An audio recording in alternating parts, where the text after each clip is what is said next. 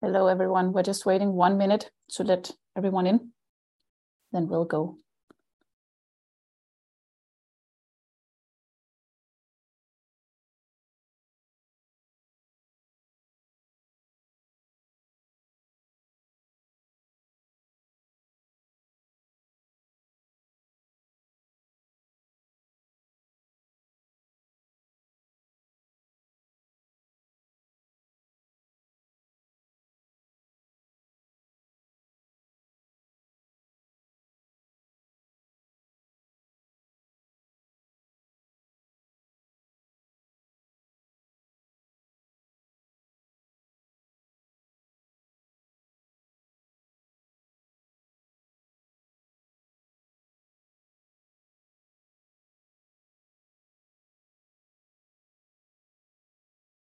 All right, I think we'll get started.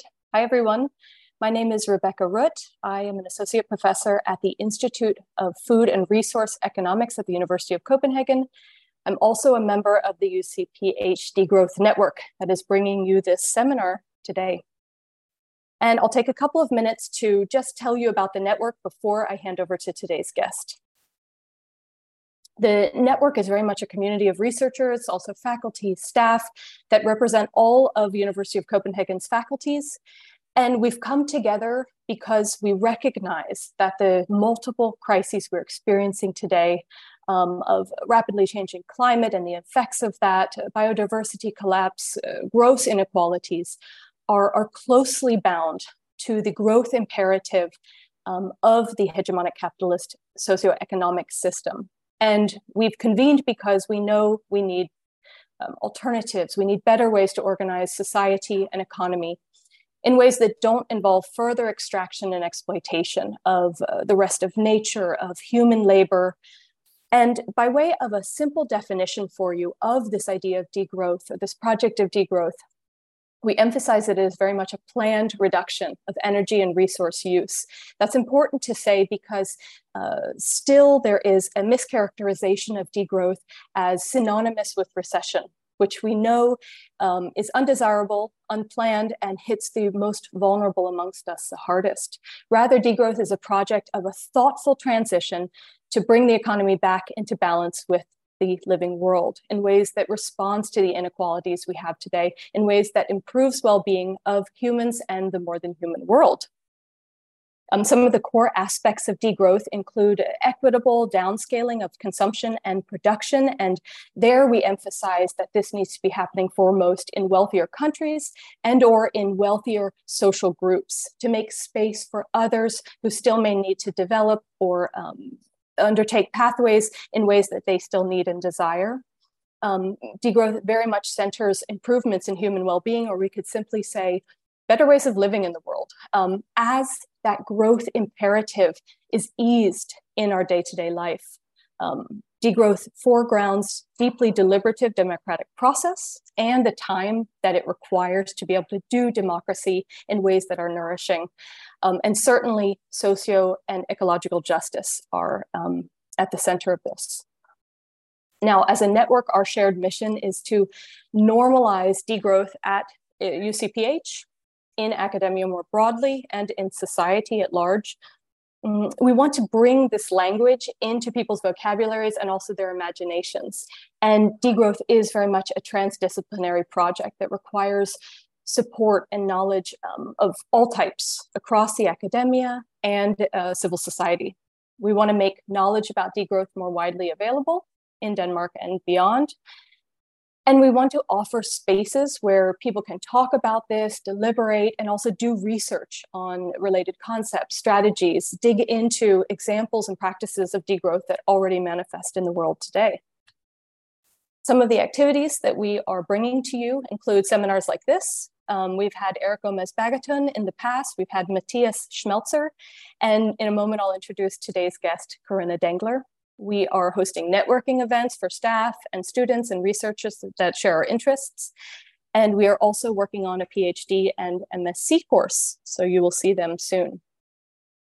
Everyone is obviously very, very welcome to get involved or simply follow by contacting either of these email addresses. And I believe they're also on the poster that we distributed for today. So you can find them there. I'll take a moment to mention that this is the last of the seminar series before the summer, but we'll return after. And now I will briefly introduce and warmly welcome our guest for today. That is Corinna Dengler, who works as an assistant professor at the Vienna University of Economics and Business. And Corinna's work has focused on the intersection of feminist and ecological economics. Um, now, I became a fan of Corinna and Corinna's work through some of the previous, maybe PhD publications, such as the 2021 article that was co authored with Miriam Lang and that paper was called Commoning Care Feminist Degrowth Visions for a Socio Ecological Transformation. And we just made use of and enjoyed that, uh, that article in our own um, MSc course on gender and environment earlier this week. So I'll share uh, the screen, or I'll stop sharing the screen rather, and hand over to you, Corinna. Thank you so much for joining us. It's our pleasure to have you here.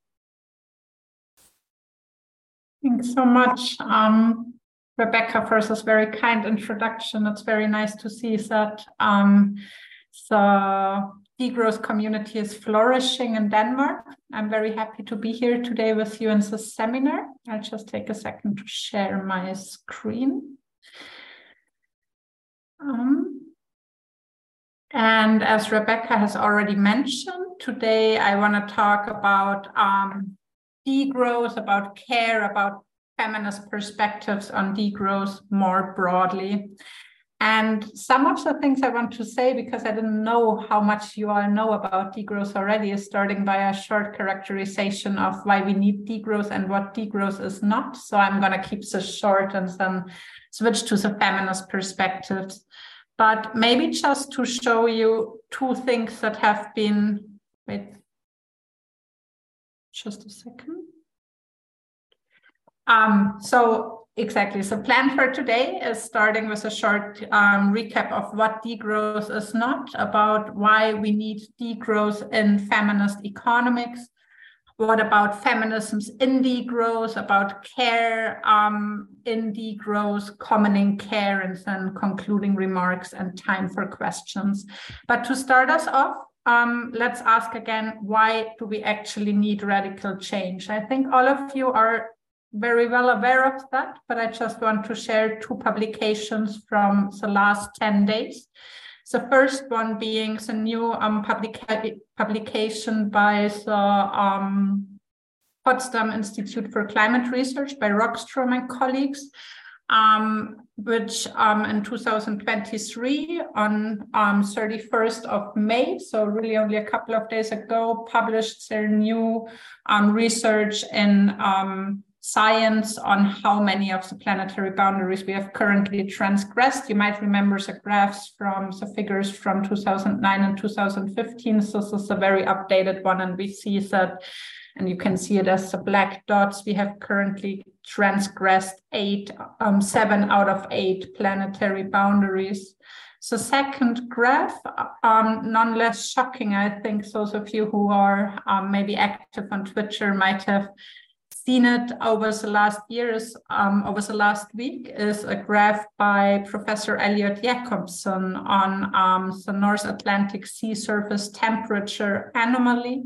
And what we really see here is that the red line 2023 is really totally out of order. So we really see the climate crisis is not something we can um, prevent anymore. We're living in the middle of the climate crisis, and that's why we need to see how um, can we foster such radical change and those profound changes that we need in order to um, ensure um, human life within planetary boundaries. And as you know, and as Rebecca has also mentioned in her um, introduction, degrowth is one of the discourses that exactly tries to do so. Degrowth has, uh, has strong roots in ecological growth critique and ecological economics. This is a table adapted from one of the speakers you've already seen here from Eric Gomez Baggethun and um, Jose Naredo, who shows that basically already from the 1970s onwards, um, there was this discourse of its economic growth versus ecological sustainability, which then somehow changed in um, discourses on sustainable development to a narrative of economic growth and um, ecological sustainability are somehow compatible, changed again to ideas of green growth, where economic growth is actually said to be beneficial for sustainability. And one of the core assumptions of degrowth is going back to those fundamental insights from the Club of Rome. Um, it's economic growth versus sustainability. So degrowth is not um, whenever people ask me to introduce degrowth um, due to the common misunderstandings that Rebecca has mentioned, I usually start by saying what degrowth is not and what it is instead.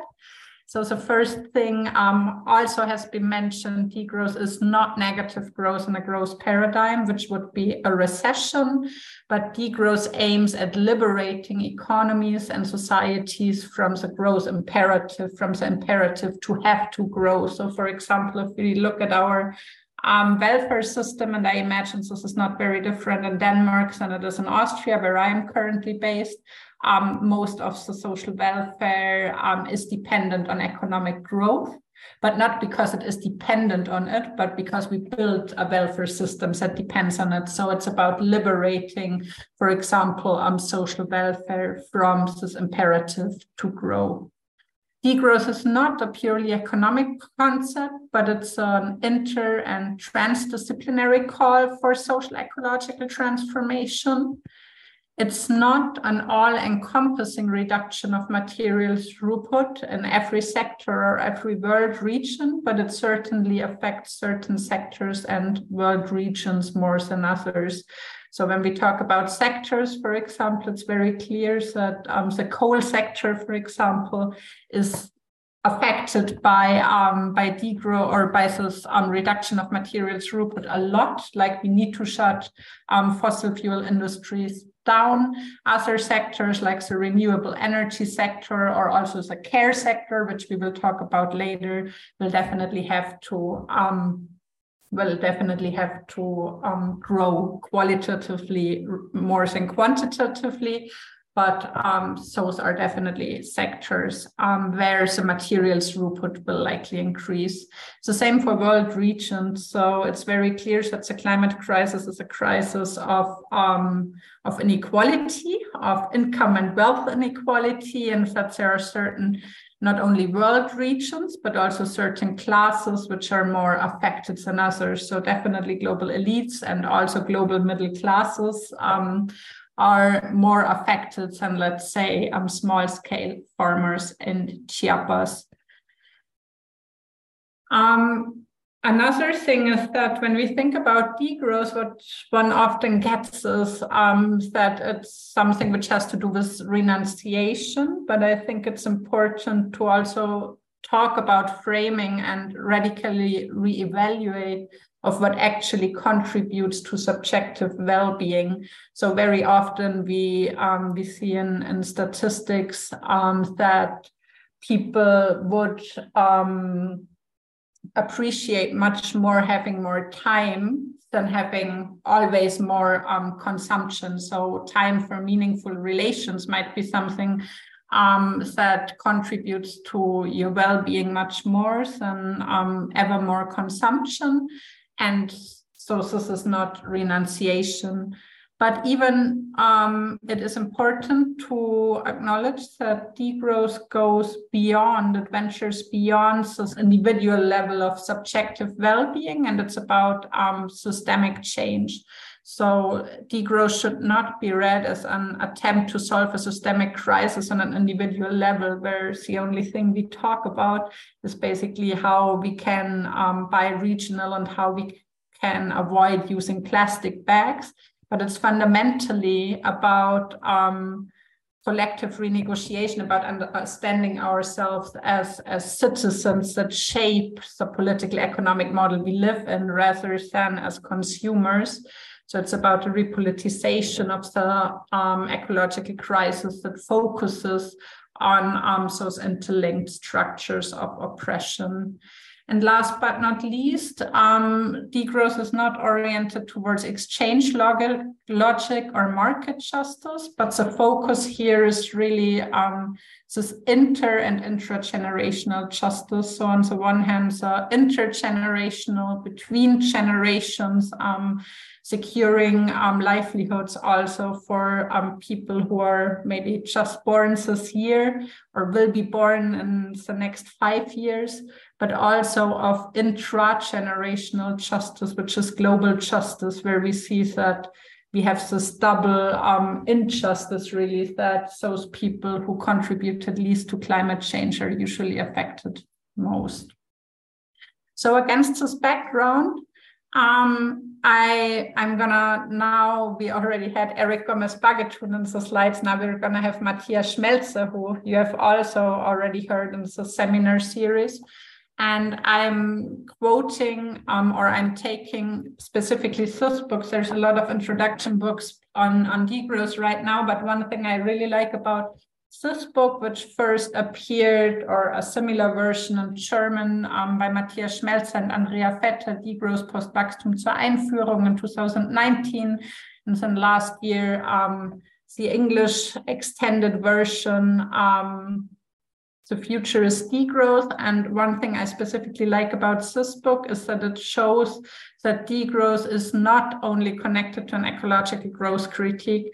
So the ecological growth critique is, and I saw table I showed you before, so going back to the radical growth versus sustainability paradigm from the Club of Rome, it's foundational for degrowth really, but um, Schmelzer, Vetter, and um, Vansintjan um, introduced six other strands of growth critique that also inform, have informed, can inform um, degrowth. So on the one hand, it's ecological growth critique. The second one is the socio-economic critique of growth that also like on a socio-economic level endless growth is um, not sustainable. The feminist critique of growth, the South North critique of growth, the cultural critique of growth, also linked to um, acceleration critique, then critique of growth as critique of capitalism, and lastly, critique of growth as critique of industrialism. And in their book, and I really recommend, um, I really recommend this book if you want to know more about the basics of degrowth. They really trace back the single growth critiques, also with a focus on the first one, the ecological one, but also showing um, where basically the the other six um, feed into degrowth critique. And um, that's now a translation because I've I, I only skimmed through the yellow book because I've known the German version first. So this is a translation of um, what they write about the feminist critique of growth um, in the 2019 book. They write that the feminist critique um, of growth emphasizes that the growth regime is based on the devaluation and exploitation of reproductive work, such as care, education, housework, and gardening, which usually has female connotations and is mainly done by women. Growth profits from unequal gender relations and continually reproduces them. In this context, ecofeminist discussions that deal with the connection between the exploitation of female labor instead of nature are particularly relevant for post growth. Despite its importance for the debate, this form of critique has been and continues to be insufficiently represented in many representations of degrowth. So what we see here is that they say, okay, there is some work out there um, done, for example, by ecofeminists, but um, by feminists who work on, on care and reproductive work more broadly. But it's structurally forgotten. So very often it just doesn't appear. And that's basically what I devoted myself to in, in my PhD reading a lot of this feminist literature, eco-feminist literature, and trying to make it more visible within um, degrowth scholarship. One contribution here, um, which links basically to the quote um, we, we just had. So this um, the connection between the exploitation of female labor and that of nature um, has been made very eloquently by um, Maria Mies in her 1986 book, um, Patriarchy and Accumulation on, the world, on a World Scale, where she develops the so-called iceberg model of capitalist patriarchal economies, which has been very um, inspirational to me and to others, like in ecofeminisms more broadly and also in the degrowth community. So basically, the idea behind this metaphor of an iceberg is really that what we look at when we look at um, what the economy is, we only look at the tip of the iceberg. We look at what is counted in GDP, what is visible above the water surface. We look at what we call productive work. And on the other hand, the iceberg, the tip of the iceberg couldn't be a tip of anything if it wasn't for the strong foundations underwater.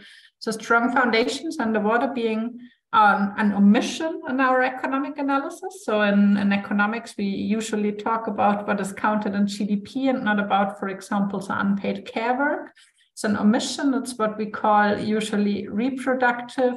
And um, it's a blank spot in, in this analysis. And um, Maria Mies and her colleagues basically in a, in a book which they called um, like what what they do is um, building on um, building on Rosa Luxemburg's work. So Rosa Luxemburg already in the early 20th century wrote that capitalism always needs a an outside, a non-capitalist outside to stabilize itself. And in this iceberg model and in their work on the subsistence approach, Maria Mies, but also her colleagues Veronica Bennholdt Thomsen and Claudia von Werlhof, basically showed that this non-capitalist outside, that capitalism needs to stabilize itself, are on the one hand like the unpaid care work, which until today is mainly done by women, on the other hand, nature, and on the other hand, again, um, like the former colonies, which are still um, exploited economically nowadays. So one quote I think which shows very well it's from 1986, but it's like one one cannot even know why no one in degrowth reflected upon Maria Mies like in the in the earliest stages of degrowth because it's so evident. Um, what she writes is that capital accumulation or permanent growth was possible as long as huge areas of human and non human production could be colonized. Women, nature, and the people and lands of Africa, Asia, and Latin America seem to have been the main colonies. What was more, these colonies were not only interconnected, but they formed the invisible underground foundation for this accumulation process.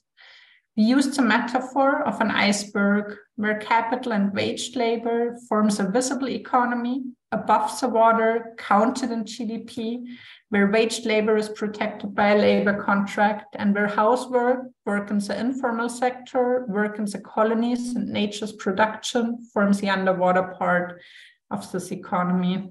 So I think this is a very powerful image, and we'll come back to this when we discuss um, questions of care in a degrowth society. Because what I've been interested in in, in my PhD was mainly um, this boundary. So the line you see here now between visible economy and the invisible economy. It's a question of where is this boundary? Um, and it's not a static line, it's really an active process of valorization and devalorization and um, what are like how can we overcome this boundary which in our current economic system runs along the line of what is counted in gdp what is like assigned a monetary value and whatnot so we'll definitely come back to that Also, Maria Mies, some of you might have seen it, died a couple of days ago on May 15th during the Beyond Growth on conference in Brussels. Um, she passed away, and um, so we also from the Feminisms and Degrowth Alliance, FADA, who I will also talk about later on, we hosted an um, memorial appreciation event. So this is just once again to say rest in power, Maria Mies, and she's really been an inspiration to to many of us. Not not only because she's wearing cool t-shirts like I be post-feminist and post-patriarchy, not only but also. Okay, against this background, um, I think it's important to say, and I will not go with you into, into the specific contributions because there's just not enough time.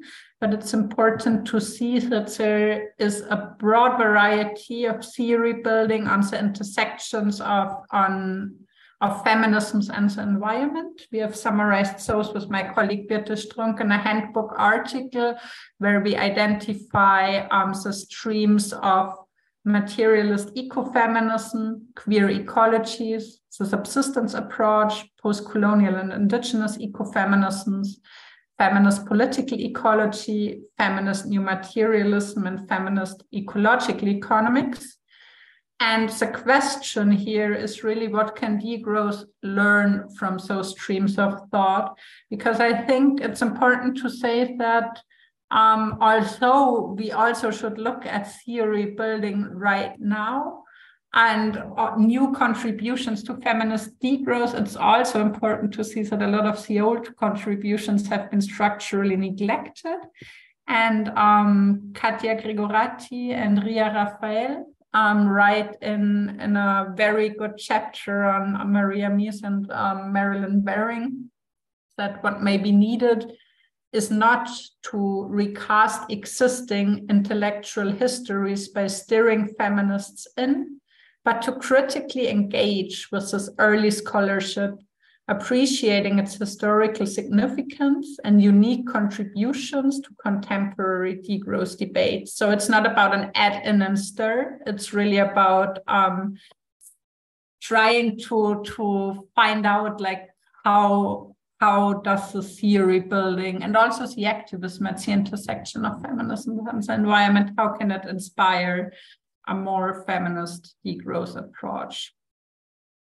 So some of the core topics within um, those um, within those streams are that they all share a critical starting point of questioning power hierarchies within capitalism while they focus on different um, facets of these power structures, recurring themes are um, the critique of dualism, so showing how um, very often in, in very often in capitalist growth paradigms and more generally in Western culture since Enlightenment philosophy, really, um, we do see those dualisms between nature and culture, between production and reproduction, and between human and non human, just to name a few.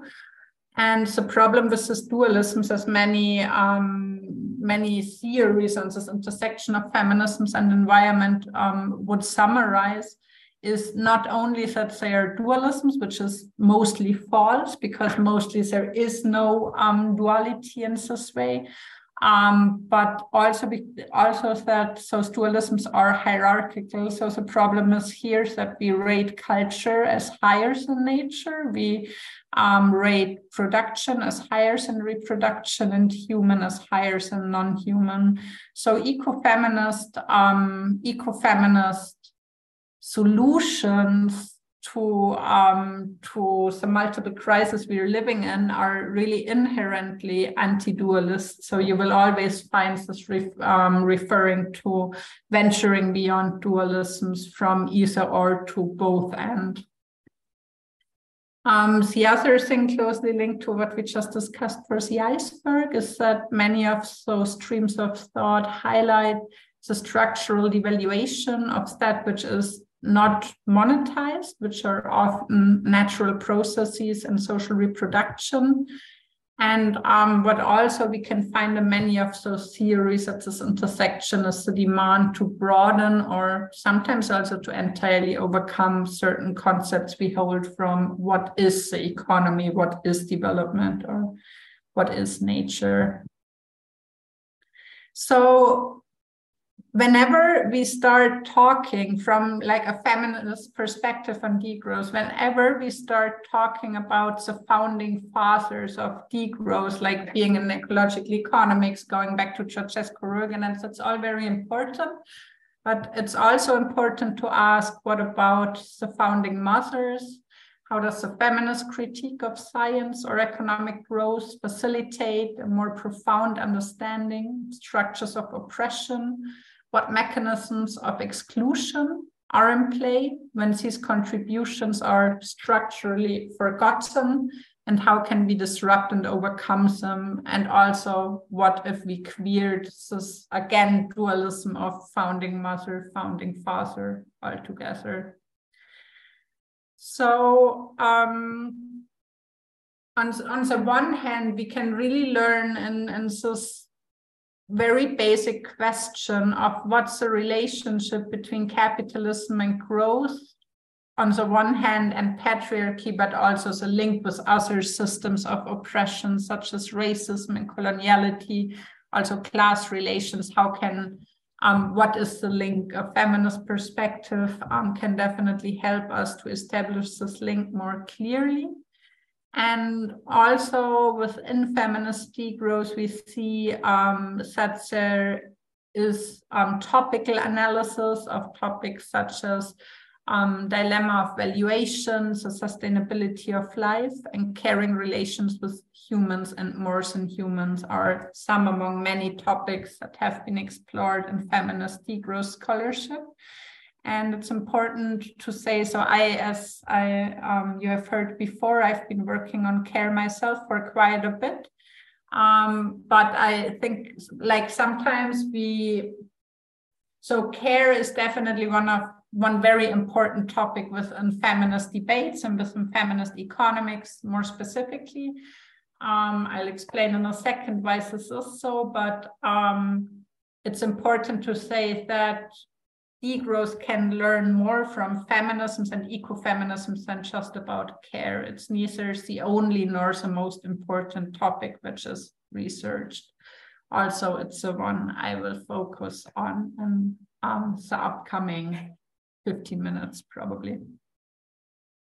So, what do we talk about when we talk about care work? When we talk about care work um, and um, sometimes. So this is a bit, sometimes it's used synonymously um, with social reproduction. I'm going to focus on care work today. Social reproduction, like it can be used synonymously, but um, social reproduction definitely has a different history. It comes from feminist Marxist debates, and it's really meant to talk about the other side of, of wage labor, so to say. So social reproduction in or its original coinage at least exclusively referred to unpaid care work. Um, and care work so the term of social reproduction emerged in the 1970s, and the term of care work only emerged in the 1990s, and it's a broader and arguably also less political terms in social reproduction which refers to the content of care work. So whether it is paid or unpaid doesn't matter so much for it being um, regarded care work. We do make those distinctions, paid care work and unpaid care work, but both of it is care work because the content of the work relates to care. So in a narrow definition, and that's the definitions that you would most um, commonly find in, for example, feminist economics, you would talk about care work when you describe a caring relationship between a caregiver on the one side and a care receiver um, on the other side. So it's an interpersonal caring relationship between subject. On this interpersonal caring relationship is has some specific characteristics which also distinguish it from other forms of work So one of it is um, the emotionality. So this interpersonal caring relationship is usually um, something which has to do um, with emotions, with proximity, with asymmetrical power relations. So the care receiver would usually be in a situation where um, they have limited autonomy, cannot do some things themselves. That's why a caregiver needs to provide some of this care work. Um, and obviously, this also goes hand in hand with vulnerability, because if care is not provided to me in this situation, I'm in a very vulnerable state because of the limited autonomy and the fundamental dependency of the um, care receiver from the care to be provided.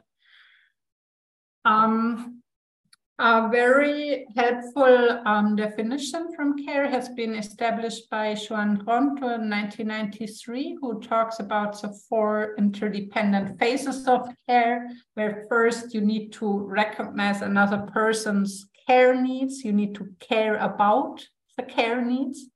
Then the care needs need to be taken care of. This requires someone who feels responsible and capable to address this need. Um, the actual caregiving needs to um, take place. So assumed needs need to be satisfied and care receiving um, basically happens when assumed needs have been met.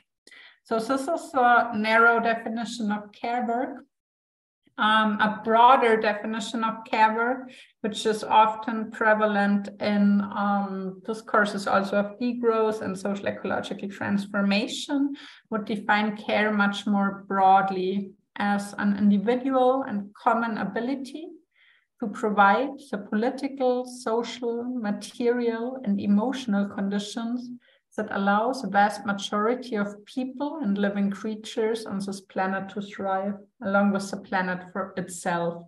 So we see here that this definition is fundamentally different because it's much broader. It um, has a focus on not so much on dependency, but on interdependency. And um, it relates maybe to a fifth phase that Joan Tronto has added in her Caring Democracy book in 2013, namely the phase of caring with, which is more about solidarity. So I, I mean, both definitions have their strengths and weaknesses, I would say, and I also wouldn't say you need to um, you need to um, choose which one you use. The only thing I want to say is that we need to be careful and those broader definitions of care, which are also the definitions that we find a lot in degrowth. I think we need to be careful not to forget actual care dependencies because it's nice to talk about interdependencies, about caring societies, but it's like the, the thing about the narrow definitions. Is that it really stresses this on dependency and this dependency is not always nice. So this dependency can be very hard work and if this dependency is not taken care of someone suffers. So whenever we broaden to interdependency and to caring with I think we also need to make sure that the actual dependencies are taken care of as well in order to allow us to um, follow this broader definition of care. So in the papers that um, Rebecca mentioned before um, that I wrote with Miriam Lang, we um, refer to those um, in German, it's nicer because in German it's four V's and in English it would be ASTR, um, to, to models that basically shows us how can we deal with unpaid care work more generally. Because in, in this paper on commoning care we start from unpaid care work. And that's basically what most of the theories on the intersection of feminism and environment feminist ecological economics.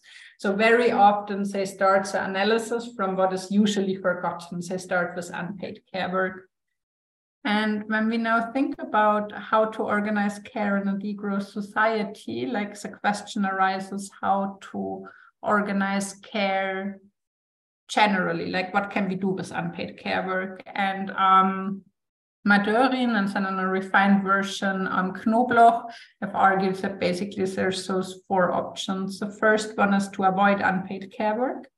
Um, for example, I could um, hoover my floor only once per week instead of every day. So this is limited to a certain extent. At some point, my floor is going to be very dirty, and it's definitely easier for my floors than when I talk about my kid. So for the floor, it can be hoovered le less, and um, maybe nobody really cares so much if you only read out to your kid once every other Friday, then it definitely jeopardizes um, the care relationship. So avoidance is only limited um, possible to a certain extent and definitely more with regard to houseworks and to actual care work. So same about transformation. Transformation um, is meant here um, as a transformation by means of automatization, by technological innovation. And while the washing machine was um, definitely very important um, for um, for feminists. Um, when we talk again about um, direct caring relationships, the idea of care robots is usually not the ideas that we would have for ourselves or people are close to, close to us. But we think about it, what would good care look like? Mostly people think about people who actually have time for care because again so the logic of time and care is also very very specific so um, in, compare, in contrast to all other forms of work, care really follows this logic of time spending rather than the follow uh, of time um, saving. So the more time you can give and can spend, the better care usually gets.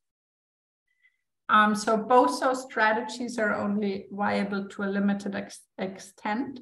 And what we argue is that what we see most in capitalist growth paradigms is really this idea of shifting unpaid care work, shifting unpaid care work to um, the paid care sector. So during Fordism, it was often to public kindergartens, and in Denmark, probably still more than in, in Germany and Austria nowadays um, or um, public nursing homes. But the shift with a neoliberal capitalism has gone more and more also towards shifting it to the market.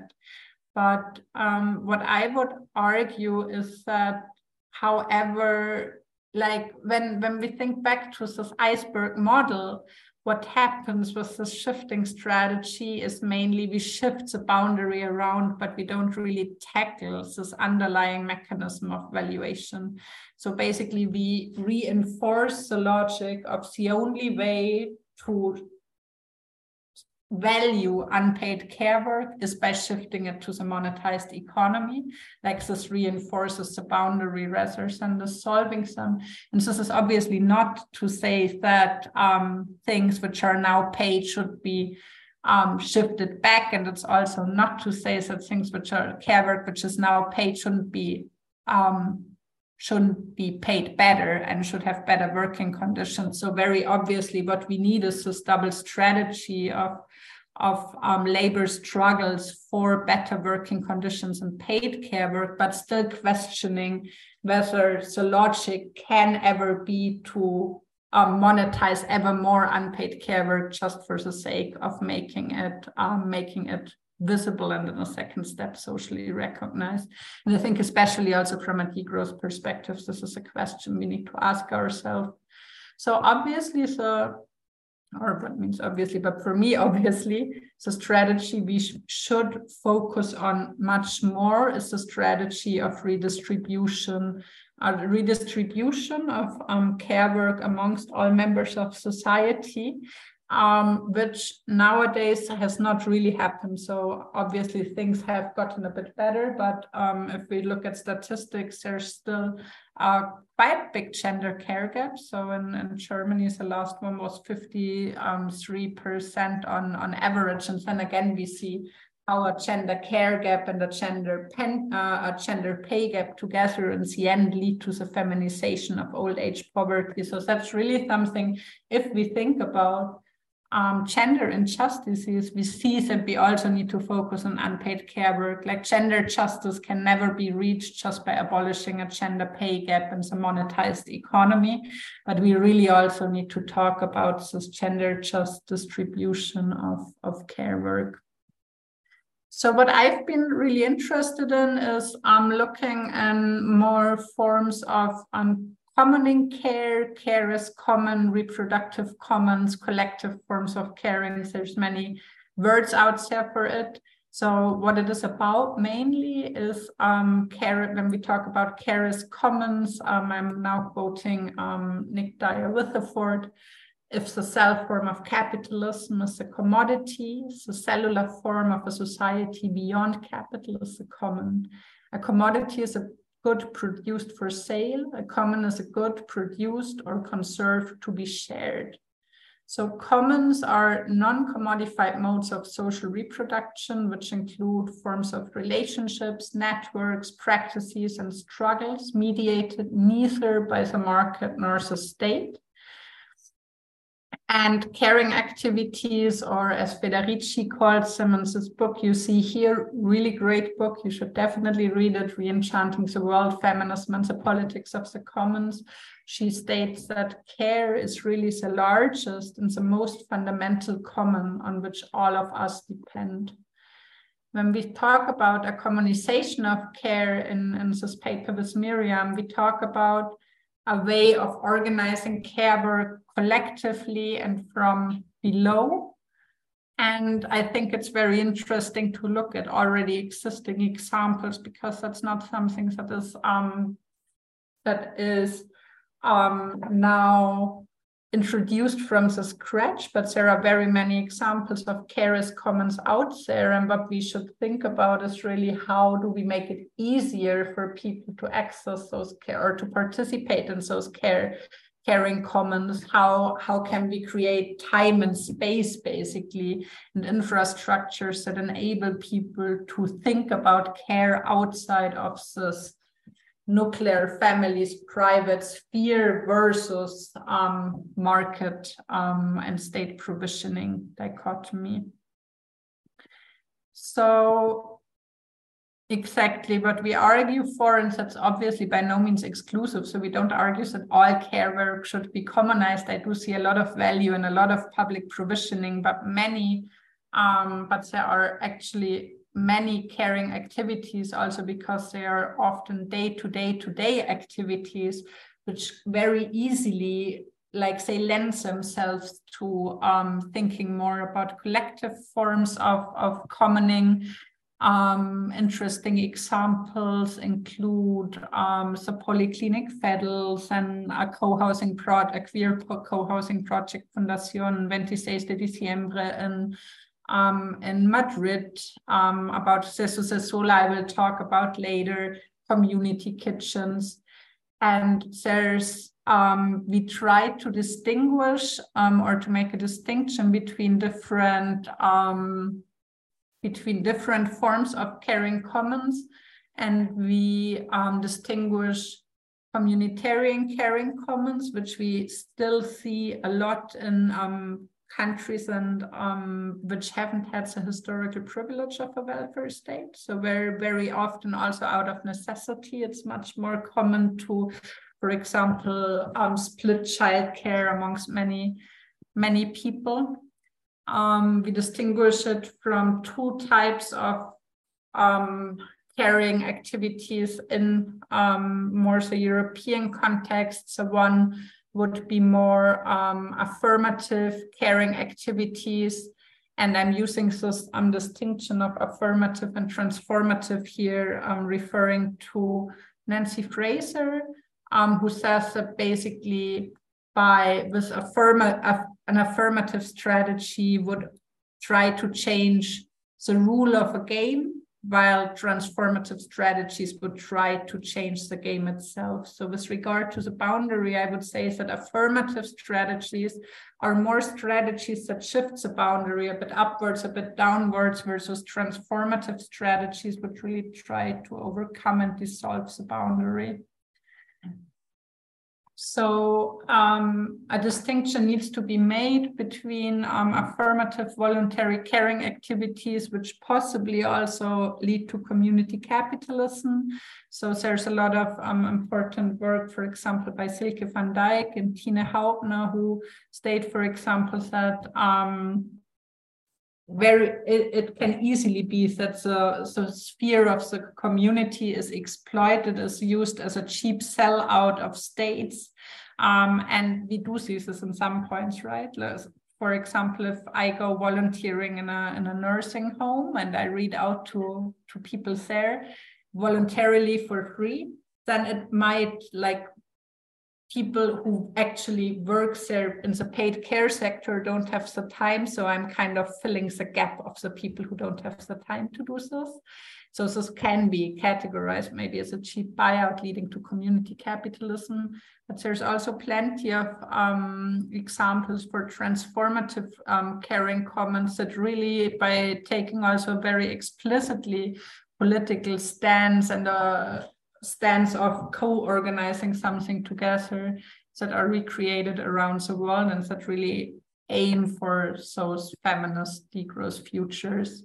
So in this book here, um, Degrowth and Strategy, um, also a very, very nice um, edited volumes that arose out of the conference, Degrowth conference in Vienna.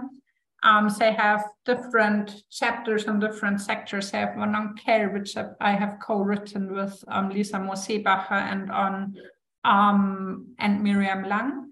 And what I really like about this book is that after each theory section, they have an example where the people from this example write for themselves about their initiative. So for our chapter on care, um, and the book is also available open access online, so you can check out this chapter by um, Jorge which is the practice example for um, collective care in this book. And um, he introduces um, Cecosesola and more, um, more concretely the Centro Integral de Salud, the CICS, so Cecosesola is a big cooperative, was founded in Venezuela in 1967, originally as a funeral parlor. So they really always check what are the necessities of the local community right now.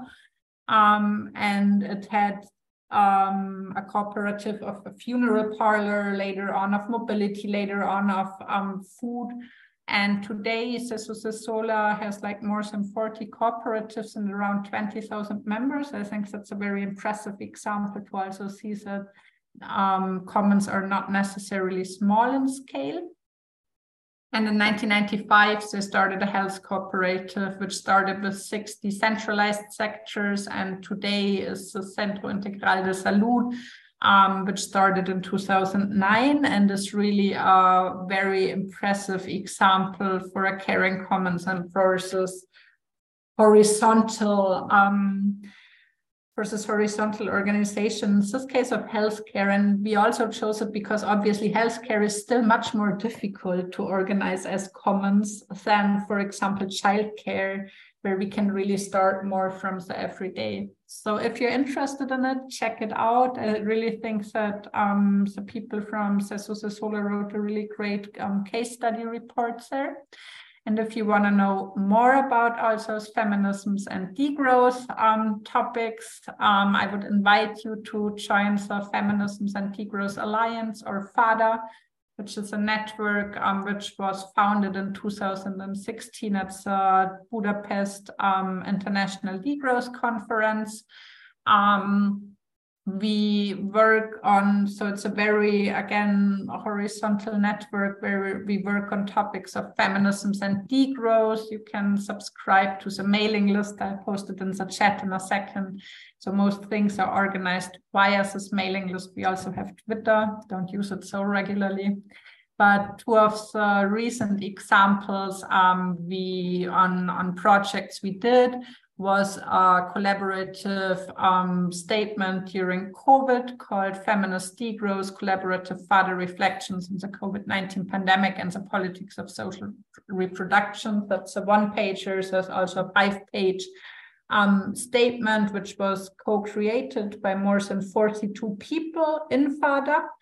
And um, more recently, we published um, a small um, article, a small essay in the first edition of the new Degrowth Journal um, as a FADA writing collective um, titled Why Are Feminist Perspectives, Analysis and Actions Vital to Degrowth? We'd be, we host online meetings sometimes. We usually see each other, have open meetings, and also organize um, topical sessions at all kinds of degrowth conferences. And I'd be very happy to see some of you there. And I'll now stop sharing my screen. I hope it wasn't too long, and I look forward to your questions if there are any. Thank you so much, Corinna. That was a really, uh, really great introduction to uh, feminism, broadly speaking, in a, in all of these uh, degrowth economical uh, kind of spheres. Um, we have lots of time for questions in principle. People can stay as long as they want. Uh, right now, we'll just do, let's call it a regular Q&A, but also with the, the option of having, let's say, more like discussion-based conversations. So if anybody has any questions, just raise your hand uh, if you're not in a position where you can speak up, then you can also put it in the chat, then I will read the question. Uh, but otherwise, please raise your hand. Um, I can start with a question. Uh, I was wondering because this distinguishing between like state provided and then privatized care. Um, to me, being new in this, I'm also like, but what's in between where it's not just, you know, then the women on the street helping each other with each other's kids uh, because that's also kind of very gendered and not really the solution but do you see the cooperatives being sort of like let's say a key key player in this um, and then i'm wondering if yes then i guess it is kind of monetized. It's just not now market driven but more like needs driven and the people working in that cooperative would be able to sort of decide how they want to do things. Or what are your thoughts on the cooperatives in this? Yeah, thanks for the question. Um, so I think what you're what you're mentioning now, women helping each other out on the streets, that's a perfect form for caring commons, like for practices of collective caring. But the problem is that those practices are very much invisibilized even within feminist discourses. So within feminist economics, um, what we when we talk about where is care work organized um, people would usually show you a model which they call four sector model or, or, sometimes also care diamond and as four sector model suggests it's about four sectors. So the first sector is uh, private households. The second sector is the market. The third one is the state. And the fourth one is the non-profit organization sector.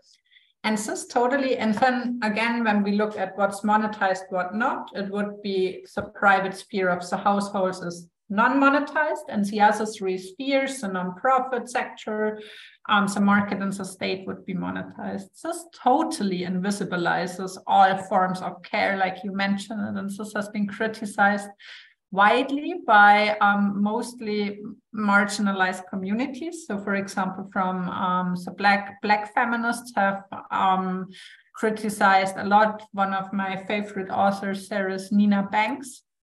So Nina Banks has written about the community as a site of um, production and has written about basically that Black women in the United States have always done this collective forms of caring. And this is totally invisible in the sector of saying the only unpaid thing we look at are households, which are usually then conceptualized as nuclear families.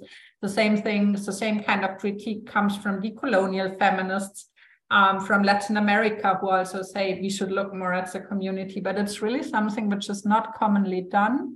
And what was basically this point of intervention, why we're saying basically a four sector model is way too way too narrow and we need to talk about um, the commons we call it now the commons but it could be all collective forms of caring um, which happen and which are basically so, so which are basically the social kits that holds together communities and societies. So I would totally agree with you, but I don't think like so it wouldn't be um, corporations in the sense of paid, which also exists. So, for example, I don't know about Denmark, but in Germany and Austria, also the nonprofit sector is very strong in the care sector, but it's usually paid. But what we talk about is the collective unpaid forms of, of caring, which happens outside of households.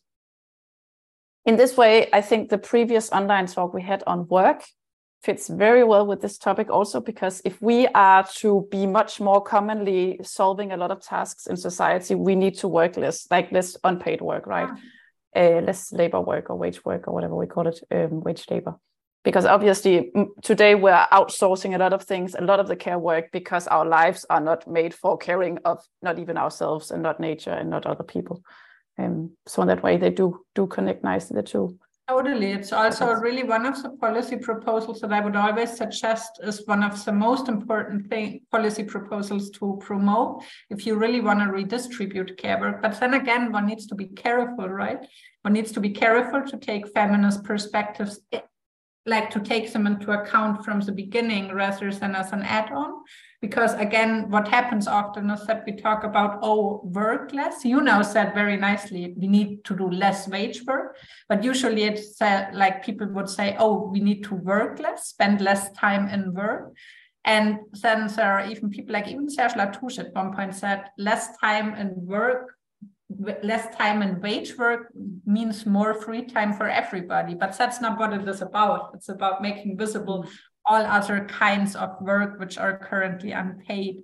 And even within the concrete policy design, so that was one of the critiques that Birte Strunk and myself formulated in my first PhD, um, my first PhD paper, um, that even when we look at so when we look at what policy proposals are being favored, for example, with regard to wage working time reduction, it's usually um, so proposal Kallis and colleagues formulated a Friday off. So we have a four day week instead of a five day week.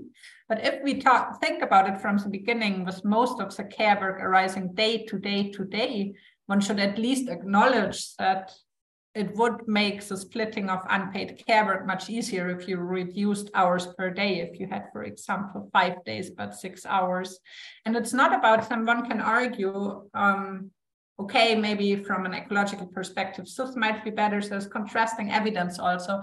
But my point is that very often it's not taken into account at all, and someone doesn't think about it in the beginning. And then everyone is like, oh, yeah, that's true. Care work arises day to day to day, and not only on a Friday. So it's really about just taking it into account and taking it into account from the beginning when we when we discuss um, this kind of policy proposals would be important. Nice. So uh, Hans has written a few questions in the chat, so I'm just going to read it. The first one is, um, I noticed that Corinna would not call herself an ecofeminist. Why not? Uh, where would you draw the line between ecofeminism and degrowth feminism? Okay, I'm also reading some. Should I answer to both, or I can answer to this one first? Yes. I would call myself an ecofeminist. So um, for me there's not so i'm i mean i'm more I, i'm a trained economist so i've been socialized into the field on this intersection of feminist economists feminist economics and ecological economics so my field i'm doing my professoral thesis in now is called feminist ecological economics but i don't make a distinction to to ecofeminism so you could also call me ecofeminist political economist or yeah Great, then that's solved. Uh, the second question is um, maybe, ooh, I'm not sure exactly if this is written correctly or if I'm just not knowing. Would there be place for subsistence or vernacular activities that act outside of the market economy? And I have to say, this is a little too um, like specific for me. So maybe you can sort of also tell us what what that means, subsistence and vernacular activities do you understand the question, Corinna, or do we need? Uh, I definitely understand the subsistence part. I'm not sure about the vernacular activities, but maybe I can see Hans is now uh, showing his face, so maybe Hans, you can. Uh... Yeah, maybe it's just uh, thank you very much, uh, uh, Nicole and uh, Nicoline, excuse me, and, and Corinna. Um, So what what is called by by Illich or like the vernacular values, yeah, that the values that are, like vernacular in the sense of homebred or homegrown, or that they really linked to the soil if you if you if if you want for for for example. So that it's it's it's independent of of the uh, services of the market economy that that, that you're self-reliant actually yeah?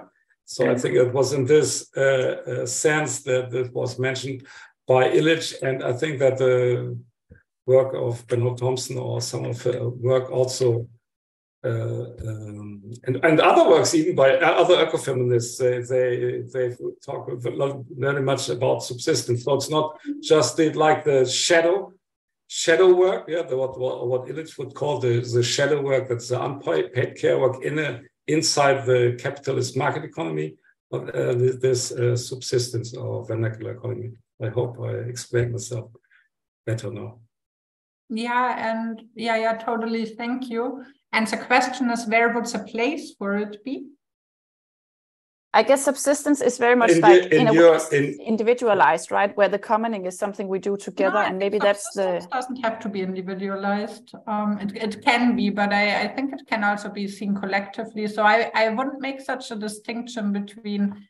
So I, I'm focusing on unpaid care work, but more generally, I'm interested in all kinds of this underwater part of the iceberg and subsistence and also so vernacular activities as you just uh, um, described them are definitely part of it. So when i'm now talking about for example um, revaluing unpaid work i'm not only talking about unpaid care work but i'm also talking about subsistence work about community work about political activism. So it's not so really so one which connects more to, and I imagine you're now also referring more to maybe forms of, because you said with the soil collective food provisioning. That's not my focus of research, but it's definitely on, on the same level of uh, part of the economy that is invisibilized and um, but that contributes to the sustainability of life. So I would see it on the same level. Nice. And then I can see Martha, you raised your hand. Do you want to ask your question? Yes, thank you. Um, and thank you for a very thorough, uh, exciting presentation. Um, I would like to stay with the, the discussion you raised earlier, Nicoline, and it's from the perspective of, or from a question, whether um, strategies for degrowth, but also current acts of green transitions actually and how reinforce racial and gender inequalities. A recent Swedish literature review actually showed that degrowth strategies, when men employ them, they just spend their extra free time, for example, by descaling work um, on time that is not related to reproductive work or care work, for example. But when women do that, they will just uh, take even more or spend more time taking care of elderly uh, children and so on. So is so uh, it's just to start a critical reflection on how various degrowth strategies actually reinforce uh, both gender but also racial inequalities mm-hmm. already uh, at play. And in connection to that, you was, if I understood you correctly, uh, you were talking about how these informal women collect collectivities um, work as a way of sharing the, the workload of caring. But could we also see that such uh, um, gender biased or women collectivities actually also um, yeah, pose an obstacle to what you call redistribution of care work.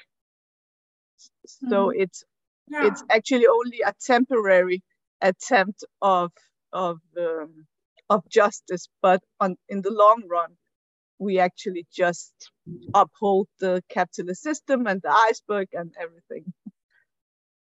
Yeah, yeah. thanks. That's really, really interesting and thought provoking reflections. So, I mean, the examples that Nicolina brought about women helping each other out on the street, it definitely shows a gender division of labor. And one can ask themselves, where's the men and all other, all other parts of society? But I think the collectivity is not the problem. So I think collective care should be what we're aiming for, but just not collective care that is then only a women's collective, but it should be collective care, which is degendered and also deracialized. And um, obviously, the other thing you mentioned, I think, is really important because we, we do see that no standalone policy will be able to solve this problem, right? Like we've been socialized intra-patriarchal and racialized division of labor, especially into the patriarchal, into the racialized that's not a matter of socialization. That's a matter of mostly choosing to externalize to, um, for example, migrant care workers.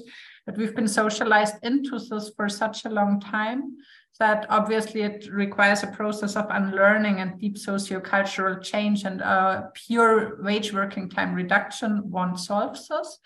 However, I think there are formulations which then, and, and that's why I like, so I don't know if you've maybe heard about this um, policy proposal, or it's not a policy proposal, it's more like a framework for thinking about wage working time reduction by Frigga Haug. It's called the four in one perspective, where um, she says that basically in a 16 hour work day, 80, uh, eight hours sleep, or in a not 16 hour work day, but in a 16 hour being awake day with eight hours of sleep, we could split those um, 16 hours into four times three hours. No, four times four hours. So one being wage work, four hours of wage work, four hours of unpaid care work, four hours of political work and four hours for leisure or for self-development. And I mean, she says from the very beginning that she doesn't want us to be read like as a roadmap, but more as a compass for something. But what I like about this is that she doesn't only talk about what we need to reduce, but she also talks about what needs to be increased. So very often when we talk about wage working time reduction, what Serge Latouche said, less wage work, more free time for everybody, that's a very logical thing, like we reduce the one thing and send the rest whatever but um, being more explicit about the direction where we want to go. And I also like that she doesn't only mention unpaid care work, but that she says four hours for political work. Who does do four hours of activism per day right now? Like I do not. I try to be, I try to do my activist work quite a lot, but um, four hours per day I don't. And some people don't who um, work in those unpaid political sphere at all. So I, I think showing more this direction of the one thing decreases, but it means that if we want to live a rich life in the sense of a meaningful life, other things need to increase because they're socially valuable, although they are unpaid. I think that's a very, very good intervention that can also be brought forward in, in, in discussions on wage working time reduction policy proposals. If anybody else has uh, questions, then raise your hand or uh, write it in the chat. In the meantime, Karina, I was wondering, um, yeah, somehow I'm uh, I'm trying to sort of imagine how could it be organized um, because we also don't want like the core family uh, or the nuclear family to be the like the the central unit of society. Um, but like how to actually let's say coordinate these uh, these care activities. And i was just wondering like your reflections on ngos in these um, in this matter. For example today we already have some ngos that are let's say facilitating that um, if you're lonely, then you can have people visiting you and uh, having a, a, coffee chat, or people can do groceries for you, or uh, especially during the kind of Corona pandemic, at least in the, uh, in Denmark, there were a lot of people suddenly um, mobilized for helping out with with various, not necessarily care work, but also housework things. And just like, where, where do you see sort of NGOs playing into this, and could they be like is that not where we want to go because that's kind of also part of the market in a way or or least market thought or yeah do you want it to or want it like ideally where would it be like uh, let's say headquartered from mm-hmm. so i think i i mean i think so care care and also healthcare provided in the NGO sector is crucially important. But I don't see it as the headquarter of um, caring commons like this. I really see more, and, and so that's the whole definition of, of commons that commons are not goods, but they are social relations, and that they only exist because they are created by commoners in the process of commoning. So I think that um, these collective forms of caring, they require an actual coming together of people and deciding that we want to organize those things together. And I, I think that one one notion that is very closely related is the notion of space, because right now we don't see it so often. It's not so common. For example, when we have a public assembly here um, with, with, activists somewhere in Vienna, like people who have caring responsibilities should think from the very first moment that they can come with their kids and the kids are taken care of. So just making it more visible or making it with community kitchens outside on squares make so I think it really requires this process of like bringing care unpaid care outside from from individual households in order to then make it more and more common that people just start organizing themselves together to accommodate those actual care dependencies. So I, I think this model of, of care and commoning care, I mean, there are obviously like, I mean, for example, the um, Cecosesola example I introduced, it's on a much larger scale, right? But a lot of care work like can be organized on this city level, for example, on notions of proximity, on notions of actual coming together, where again, like states can have roles, states can have roles in enabling those things and providing fertile soil for those things, for example, also by um, providing space for free or um, by creating time for, for it. Nice. I'm also thinking like it makes a lot of sense to have it sort of like geographically anchored or like you know decentralized in that way. And at the same time areas are very different in terms of resources and capacities. Uh, but of course once we're there then um, everyone lives a, a, fair just meaningful life. And then in principle everybody does have the the capacity and resources to to take care of uh, uh, of other people and themselves. Uh, thank you so much for um, first of all giving a very very nice introduction, but also answering questions and comments from uh, from the crowd. There are a few nice comments for you in the chat that you can read. Yeah. Um, if nobody else, or if nobody has like a final question, then I think we should uh, wrap up for today. And maybe uh, Kari and Corinna, you can stay for uh, for a few minutes. Um, then we'll send a link out. Uh, if you're subscribed to the mailing list of the Degrowth Network, then you'll find a a link soon in your inbox for the recording of this talk. Um, and with that, I just want to say thank you so much for tuning in, everyone.